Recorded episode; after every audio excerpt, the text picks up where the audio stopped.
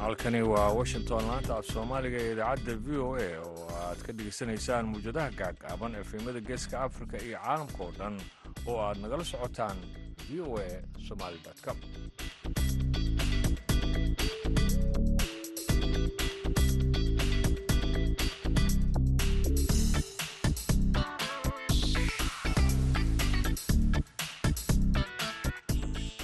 Duhur wanaagsan dhegeystayaal dhammaantiinba waa jimco bisha sebtembar ee sanadka waa laba iyo labaatan afrikada barina.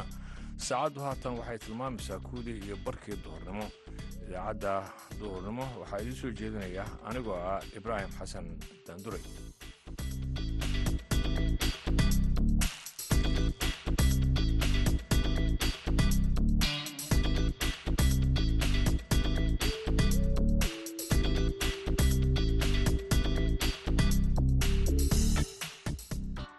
qodobada aad ku maqli doontaan idaacaddeenna duhurnimo dhegeystayaal waxaa ka mid a barnaamijka sooyaalka dhaqanka oo toddobaadkan ku saabsan siday aaladaha baraha bulshada u saameeyeen dhaqankii soomaalida. Reerkii isqabi baa la soo gelinaya isagoo cuntaynaya waxyaalo badan oo faxshi ah yaa miidiyihii la soo dhex dhigaya miidiyihuu gurigii dhex yaalla waa runtaa waana mid saamaynteeda leh isbuuca kadib isbuuc kadibna waxaynu arkaynaa markaynu iyagoo isla fadhina oo iyagoo isla fadhiya markii miidiyihii la soo geliyo. Isbuucii dambena iyagioo noloshii iyo gurigii iyo sariirtii ka sheekaynaya oo isku dhacay. Dhinacii heesahana kama marra barnaamijkaasi yeeshee waxaa ka soo horeyn doona warkii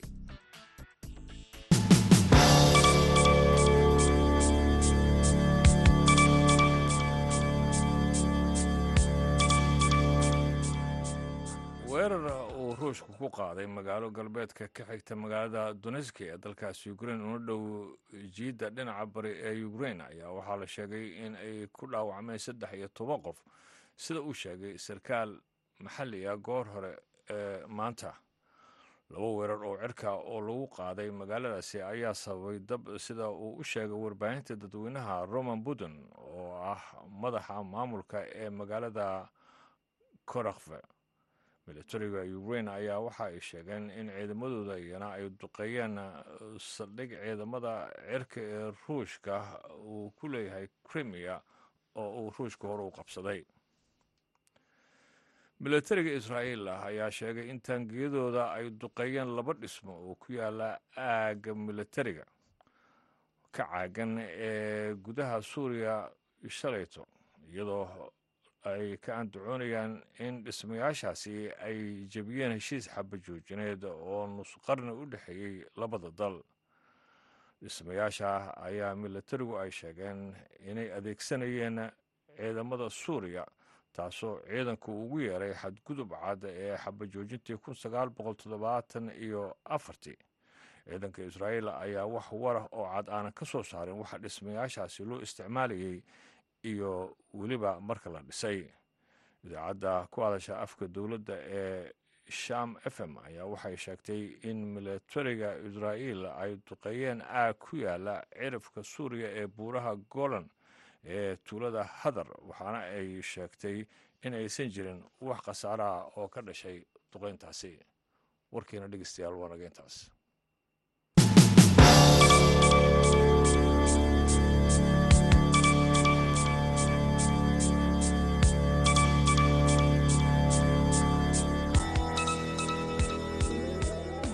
markana dhegeystayaal waxa aad ku soo dhowaataan barnaamijka sooyaalka dhaqanka. Waxaana magaalada nairobi nooga soo diray khadar maxamuud xareed.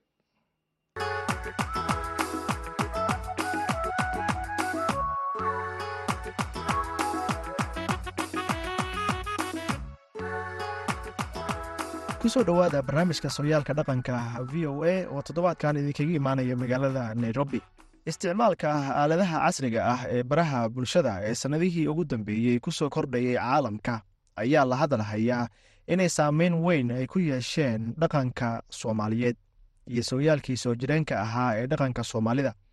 Haddaba maxay tahay saameyntaasi ka dhalatay isticmaalka baraha bulshada ay ku yeesheen dhaqanka soomaaliyeed?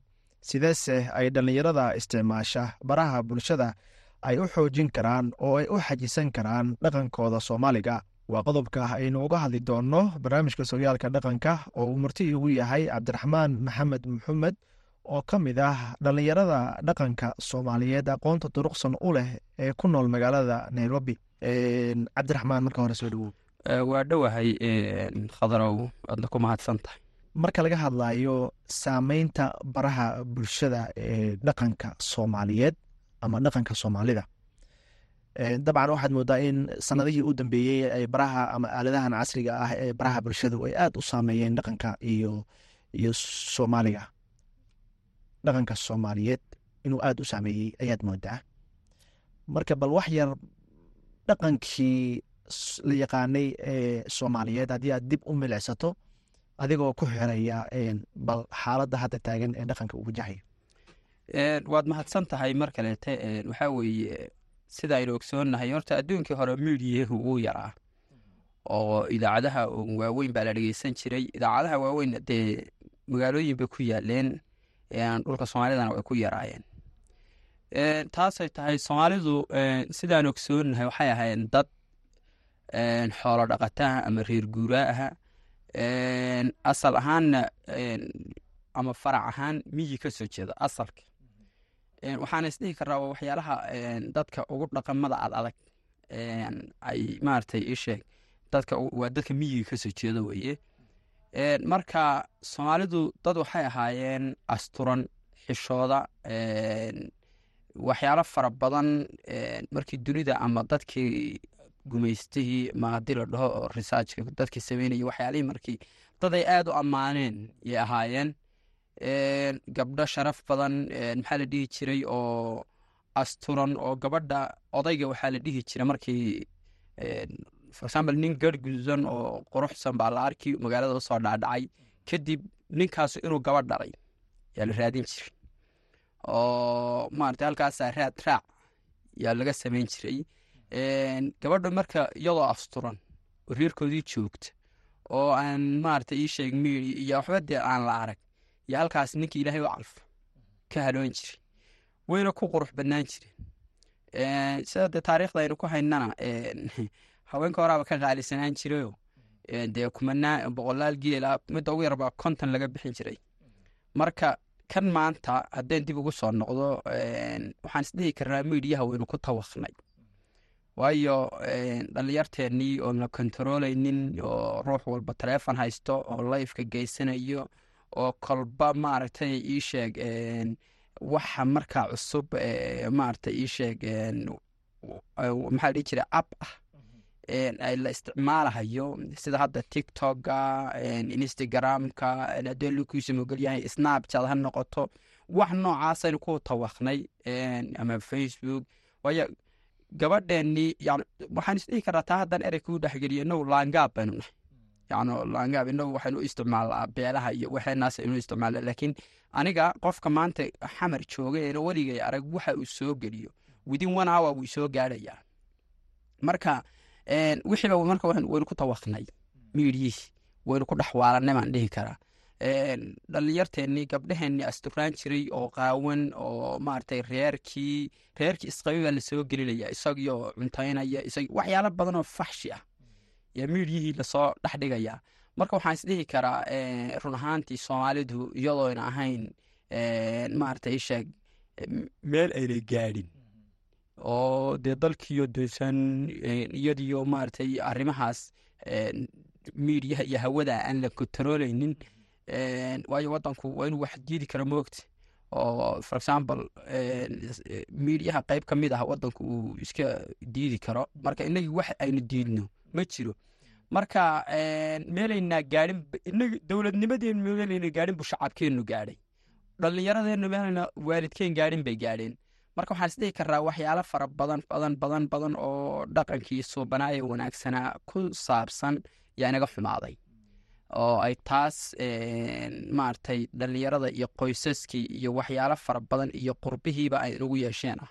Waayahay marka laga hadlayo eh, nolosha qoysaska ama lamaanayaasha ee dhaqanka soomaaliga siduu ahaan jiray iyo maanta sida uu yahay waxaad moodaa in ay aada u kala fog yihiin oo maanta xitaa ay marayso heer baraha bulshada ay dadku eh, dadka qaar ay ku soo bandhigaan nolosha guryahooda sariirtiiba xitaa meelaha qaar maraysaa marka dhaqanka soomaaliyeed marka dib loo melecsado oo kale nolosha qoysasku muxuu eh, ka qabay aqoonta a u leedahay dhaqanka?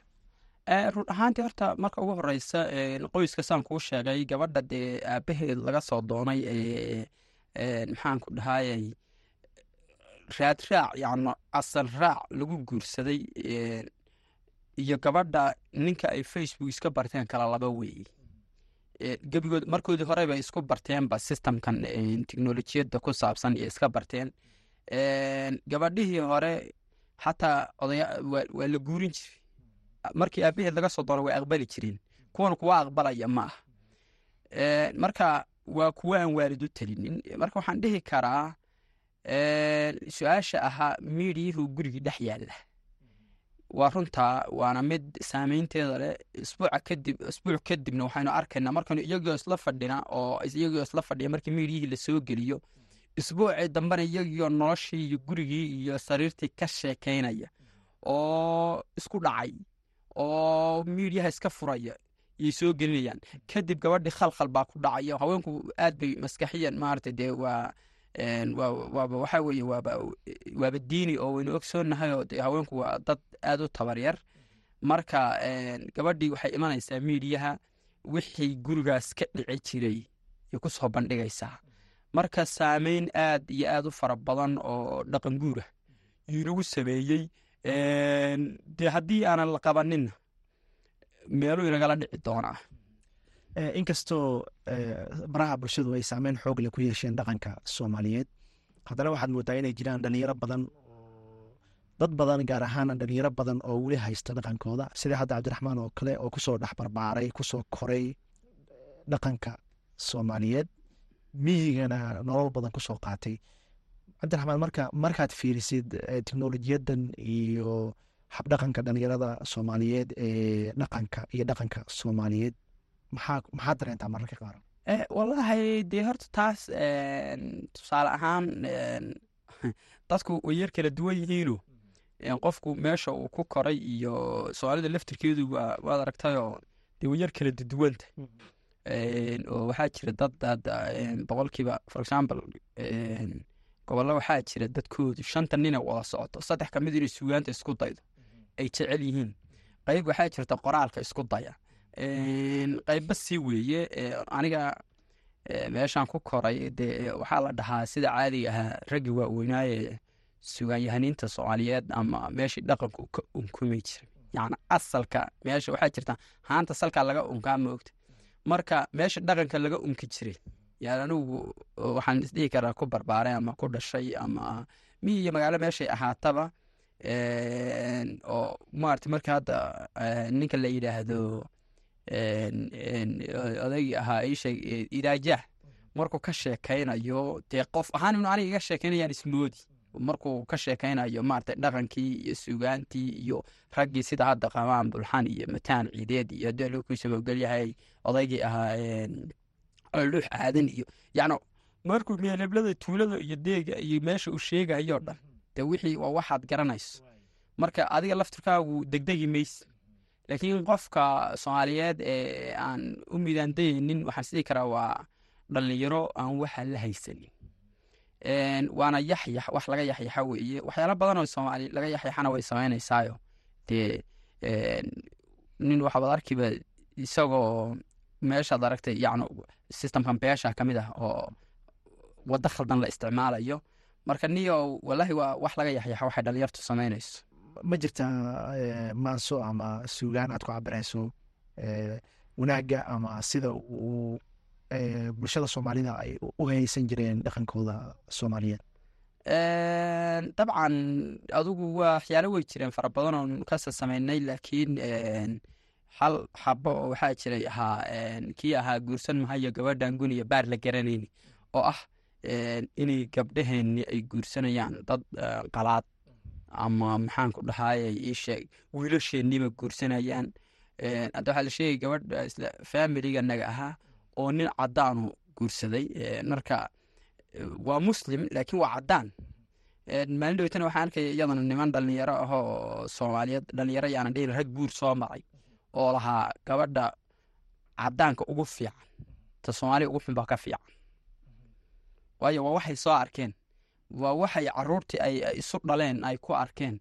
Marka waxaan isdhihi karnaa ha laga digtoonaado waxyaalaha qaar iyo wax walba oo dad muslim ahaynu nahay. Dadkii lagu dayan lahaa baynu inagu nahay. Meeshaynu inagu dadka ku dayanayno. Dadkii lagu dayan lahaa innaga ah. Waayo waxaynu nahay muslim waxaynu nahay sunni waxaynu nahay soomaali family baynu nahay hal af baynu leenahay. Marka xataa meeshaynu aynu meelaha kale aynu cilmiga u doonanayno innagana in lo- in laynoo soo doontay ahayd. Marka taasna waan leeyahay marka maxaa looga baahan yahay dhalinyarada soomaaliyeed ee baraha bulshada ku taxan ee online-ka sidii ay u ilaalin lahaayeen dhaqankooda soomaaliyeed? Horta waa inay bartaan baa ka horeysa waayo waayahan sida hore ma ah. Ruuxa dadka qurbaha ku dhashay iyo dadka horta gudihii ku dhashayba isma dhaamaanba waayahan. Wax allaale waxa isku dhaamaan ma jiro. Marka waxaan isdhihi lahaa dhalinyarada soomaaliyeed dhaqankeenna wanaagsan oo qurux badan oo yacno dhaqan akhlaaqiyeed baynu leenahay oon diinta ka madhnayn marka waxaan leeyahay isku daya idinkoo miidiyihii ku jir inaad haddana dhaqankiina ilaashataan.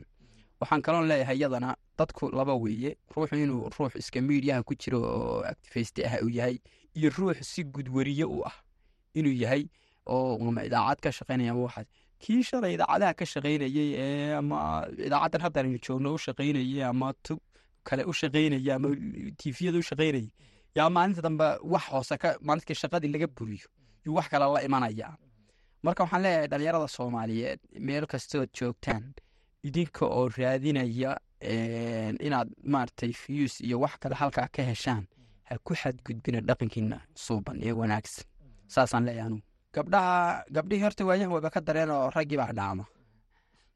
Gabdhaha soomaaliyeed waxay ahaayeen gabdho sharaf badan oo maaragtay akhlaaq lagu koriyo gabdhaha waxaa la dhahaa dee ninkii wiilasha soomaaliyeed waxaa leeyahay horta gabdhihiina control iyo aabbahaba waayo hadi gabadha hadduu walaalle adiga aad maaragtay ii sheeg ama cawradaadii ama miidiyaha lagu soo dhex dhigo ama adoo caytamaya lagu soo yacnu si kastood miidiyaha ugu milanto aabbaha iyo walaalkaaba geedka kama hadli doono. Marka waa baraha bulshada. Markii aad ku milanto ee aad maaragtay nooc maaragtay horta saddex beri haddaad miidiyaha ka hesho maalinta dambe waad waalan. Marka gabdhaha soomaaliyeed waxaan leeyahay haddii aad miidiyaha aad moodo dan. Dan ma ah. Haddaad moodo dan dan ma ah. Haddii aad xumaato maanta samaysidna dee waa tu walaalkaa iyo wiilkaad dhashay iyo aabbahaaba ka go-an dhiikara ku ridaysa. Marka waxaan leeyahay ka digtoonow wax walba oo xumaan ah oo aad faafinayso iyo wax walba oo mustaqbalkaaga saameyn ku yeelanaya. Dhaqanka soomaaliga oo kale muxuu ka qabi jiray dhalinyaranimada iyo dadku markay yaryar yihiin oo kale. Horta dhalinyarada waa la waanin jiray.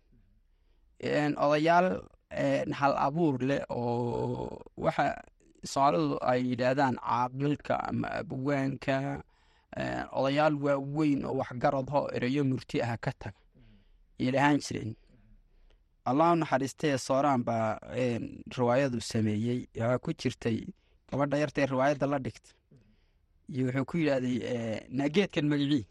Kolkaasay tiri garanwaa baa la dhaha kolkaasuu yidhi intaan adduunka adduunka aad ku soo biirteen biin yani hal geed aha ku soo biiray geedkiiba intaad magac garan weydeen baad garanwaa u bixiseen.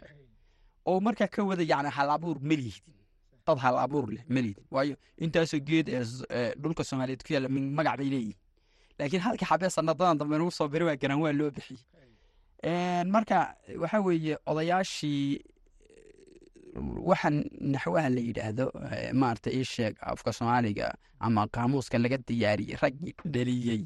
Horta dhalinyaradii soomaaliyeed ee hore la joogi jiray.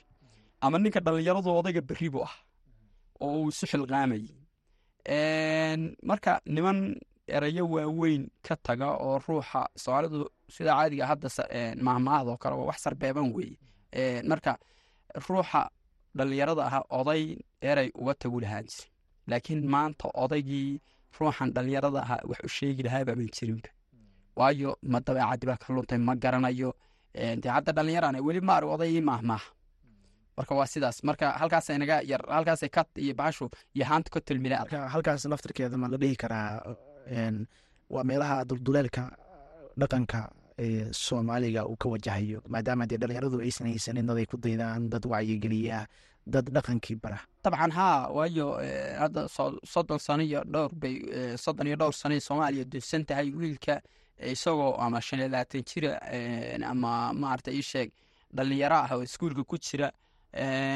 wadanku uu burburay ee qurbaha tegay iyo qaxootiyada ee adduunyo kale ka fikirayey de waxaan isdhihi karaa maxaa la dhihi jiray? Ilmihii uu dhalay. Kaas waxba u sheegi mahayo waana odayga maanta. Waayo waa konton jir lixdan jir dhowr xabo ingiliishihii iyo maxaa la dhihi jiray baalkiigu sidanu dhahaa iyo de waa dadkaynu aragnay runta marka la sheego. Waalidata waxaan arkay nin soomaaliya xil ka soo qabtay oo wuxuu joogay meel ay isugu yimaadeen dad soomaaliyeed. Markuu sentenska ama yacnu uu ereyga sameeyo waxaan isdhihi karaa meesha ugu dambeyso af soomaali ka dhigay ereyga ugu dambeeya yacnu ereyga ugu dambeeya af soomaali ka dhigay. Inta kale ingiliishu beerka dhulka u gelin iyo ugu dhufanayay marka waa waxyaalaha aynu isleenahay soomaalidii saameyn fara badan bay ku yeelanaysaa waayahay marka gabagabadii maxay tahay in la sameeyo? Dhalinyaradu maxay tahay inay sameeyaan si eh, eh, eh, loo xoojiyo dhaqanka soomaaliyeed oo loo adkeeyo oo aysan dhalinyaradu uga tegin? Run ahaantii waxaan isdhihi karaa horta wax walba meel laga unkay iyay leedahay horta ummadda gudaha joogta ee soomaaliyeed yaa inay dib ama, sistemka dawliga ah ku dhex jirta ee ummaddan yacni dowladda soomaaliya dadkan ku dhex jira ee soomaaliyeed ee dhallinyarada ah yaa waxaa la rabaa inay dowladdii ay kontaroosho si dhaqankii iyo howlaha loogu soo celiyana ay siminaaro iyo arrimo maxaa la dhihi jiray manhaj iyo midaynaya iyo wax noocaas ay u samayso. Waayo een, sidaan ogsoonahay nin walbaba jaamacada carbeed buu ka soo qaataa certificate oo dhi halkaasaan ku xidhannahay. Waa dad kale mabaadii lagu kala shubayo. Marka dhalinyarada soomaaliyeed inay dowladdii soomaaliyeed kontaroosho wixii ay ku caawin karto oo maarata ii sheeg sida maxaa la dhihi jiray riwaayado ama wax ka turjumaya afkii soomaaliga iyo dhaqankii dowladda miryaha ka sii dayso oo ay iyadu yacni system dowladda hoos taga.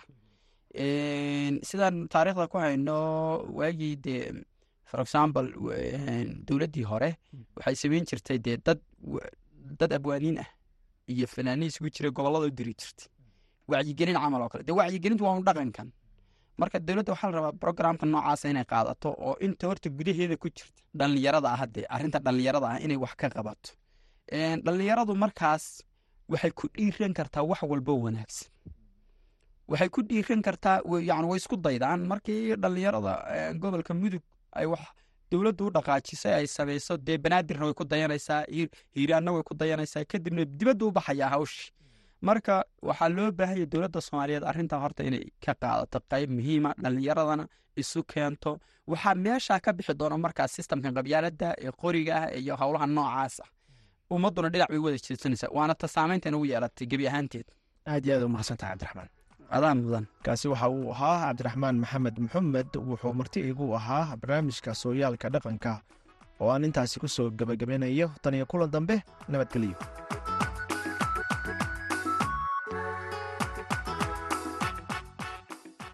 halkaa dhegeystayaal weli nagala socotaan waa laanta af soomaaliga ee v o a washington duhur wanaagsan ayaan mar kale idin leeyahay haatan ku soo dhowaada heestan